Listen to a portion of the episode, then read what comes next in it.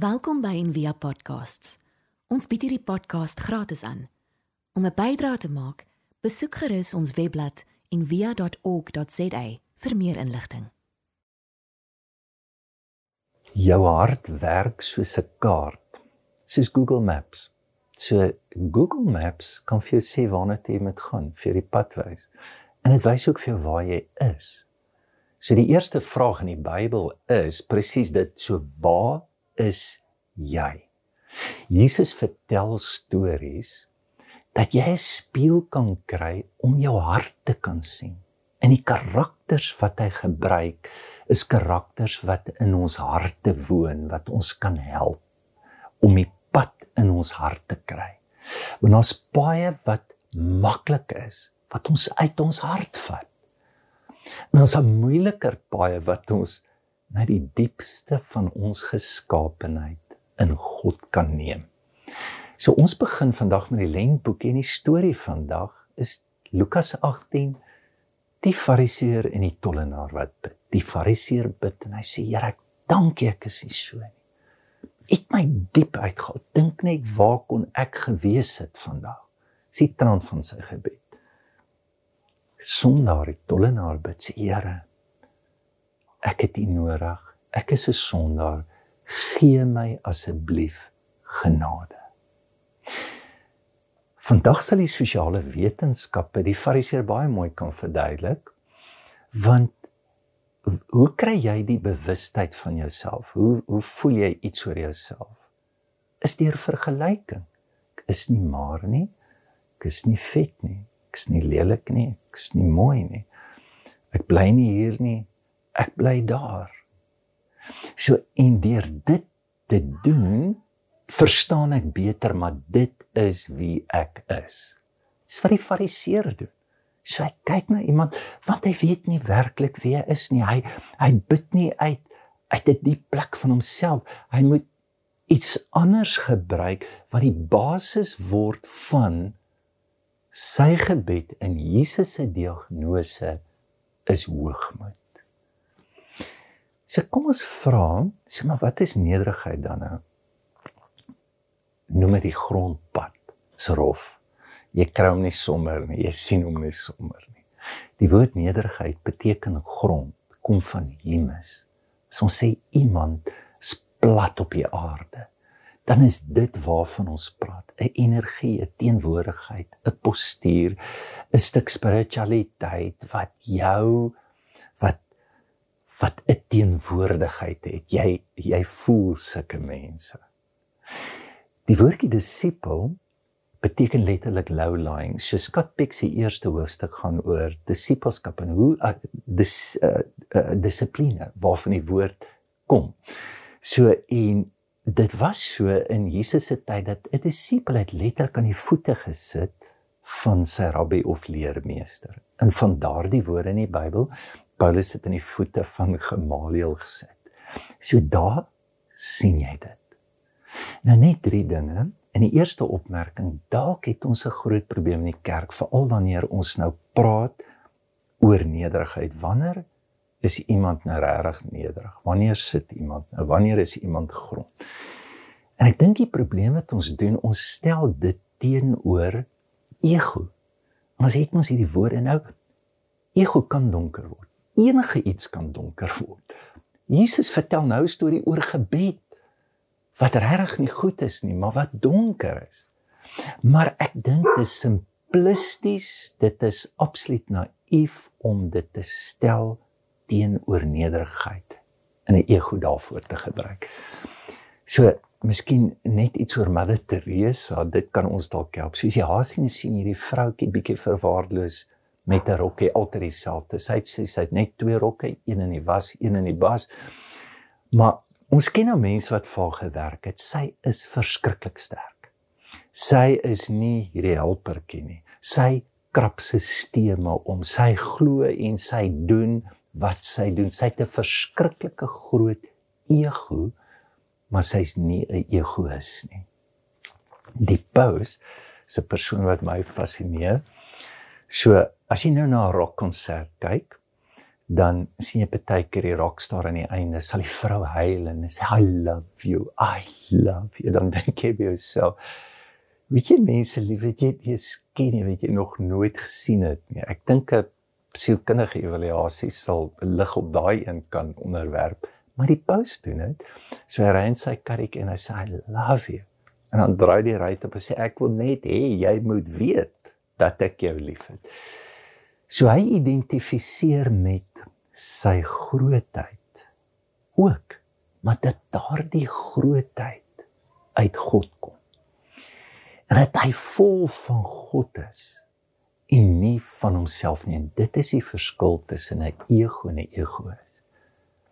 En ek dink dat ons probleem is nie so seer dat ons te groot egos het nie, maar dat ons te klein egos het en dat ons ons lewe spandeer om hierdie klein egotjies te verdedig of om dit te probeer groot kry.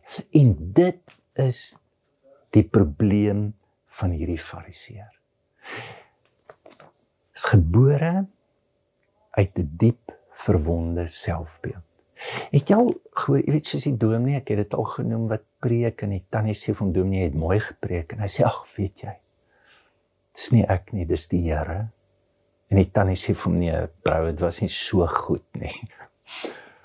So het gesien iemand wat hulle self die heeltyd kritiseer. Wat, wat is die wat is die eintlike probleem? Is dit ek kan nie foute maak nie, so hoogmoed of iemand wat die hele tyd die vloer lap moet wees. Nee, gebruik my maar, gebruik my maar nie. O, sy dien so wonderlik. Of ek kom nooit na vore met my gawe nie. Hoekom want ek's bang ek lyk sleg. Ek's bang ek gaan dit nie kan doen nie of ek is bang ek gaan dit nie so kan doen nie. Ons word verlam omdat ons nie 'n diep bewustheid het van wie ons is en ons moet soos die fariseer iets anders gebruik 'n maatstaf 'n vergelyking om iets te skep in onsself wie ons nie is nie. In die tweede plek ek dink Jesus wil jy moet nou na hierdie storie luister om met jy vra kyk wie's jy? En as jy nou ek is dan die eerste reaksie is ek is nie die fariseer nie. Ek ek ek doen nie dit. Maar die feit dat ek sê ek is nie die fariseer nie, is reeds die probleem.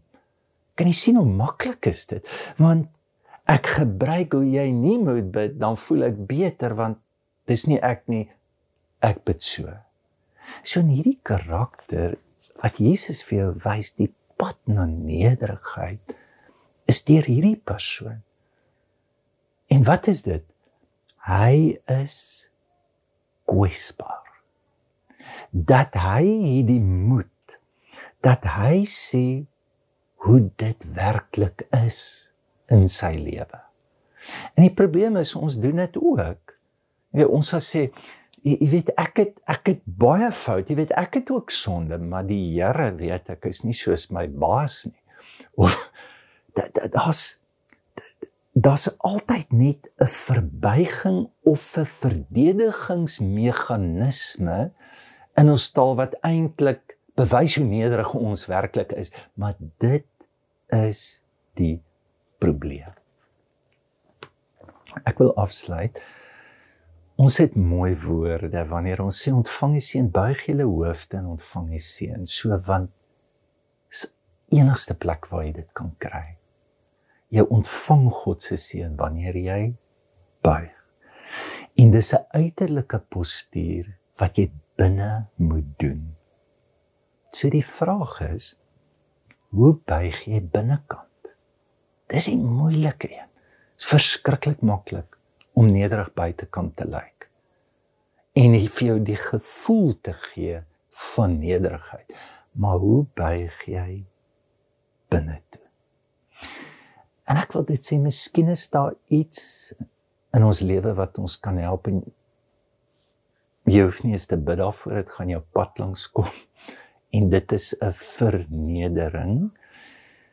En die ego haat dit want hy het nie daai woord in sy woordeskat nie en hy sal dit rasionaliseer en hy sal dit verdedig dat dit nie 'n vernedering is nie, maar wat, wat, wat as iemand se skouers hang of jy's plat geslaan is verskriklike mooi woorde en die ou kerkvaders het te vernedering is iets positiefs gesien. Hulle het eintlik gebid daarvoor. Weet jy wat het ek vandag nodig? Die Engelse woord is ook mooi, a humiliation. Dis wat ek nodig het. Wat my ego dit nodig. Dat ek dieper bewus kan word van my afhanklikheid. En dat ek nader kom aan hierdie wegtrek van wat die fariseëre my verteenwoordig in my lewe. Al word vertel Fransis van Assisi het sy rok geskeur net om te wys maak's nie perfek nie. Met tye wou hy dit nie dra nie want hy wil nie geheg raak aan die rok want dis wat die ego doen. Hy raak ook geheg aan godsdienstigheid en hy vind sy lewe in dit. Ehm um, met tye het hy nie gewerk nie en dan hy net met klere dit was 'n nonsiso gaan ry in die dorp om net te sê ek is net normaal en ek ek het ook 'n verskriklike kind in my wat die lewe nog wil geniet. Um, maar dit was intentioneel om te kan sê daar moet goed gebeur wat dit in ons kan uitwys. In hoogmoed aanvaar dit nie. En hier's die persoon en kyk hoe doen hy dit. Hy sê hy wou nie na die hemel kyk nie. So die posteer is nie op na die Here loof en prys. Kan nie opkyk nie, so hy is in die afkyk. En dan sê die Bybel hy slat op sy bors. Dis verskriklik mooi. Dis is waar sy hart is. Dat as jy regtig die pad na God in jou hart wat uit kwesbaarheid, uit gebrokenheid, as jy hom kan sien, jy is, is iets om te slaan van dankbaarheid. Van dit is die plek waar God jou ontmoet. En onthou dit is reeds omdat hy God ontmoet het dat hy binne hierdie postuur val en dat hy begin bid. So miskien met 'n mens nie net sê kom ons buig ons hoofde nie, maar miskien moet ons sê as jy ver oggend weet of vandag weet dat jy die Here regtig nodig het by geloof. En kom ons doen dit nou. Here wil U vir ons help dat ons binnekant ons kan sien hoe om te buig voor U. Dankie vir die gawes van hierdie lewe wat ons laat buig voor U. En help ons in lent wat ons regtig meer bewus wil word. Bring ons nader aan die stof aan ons menslikheid waarbinne ons U ontmoet. Amen. Ons hoop van harte jy het hierdie podcast geniet of raadsaam gevind. Besoek gerus en via.ok.za vir meer inligting.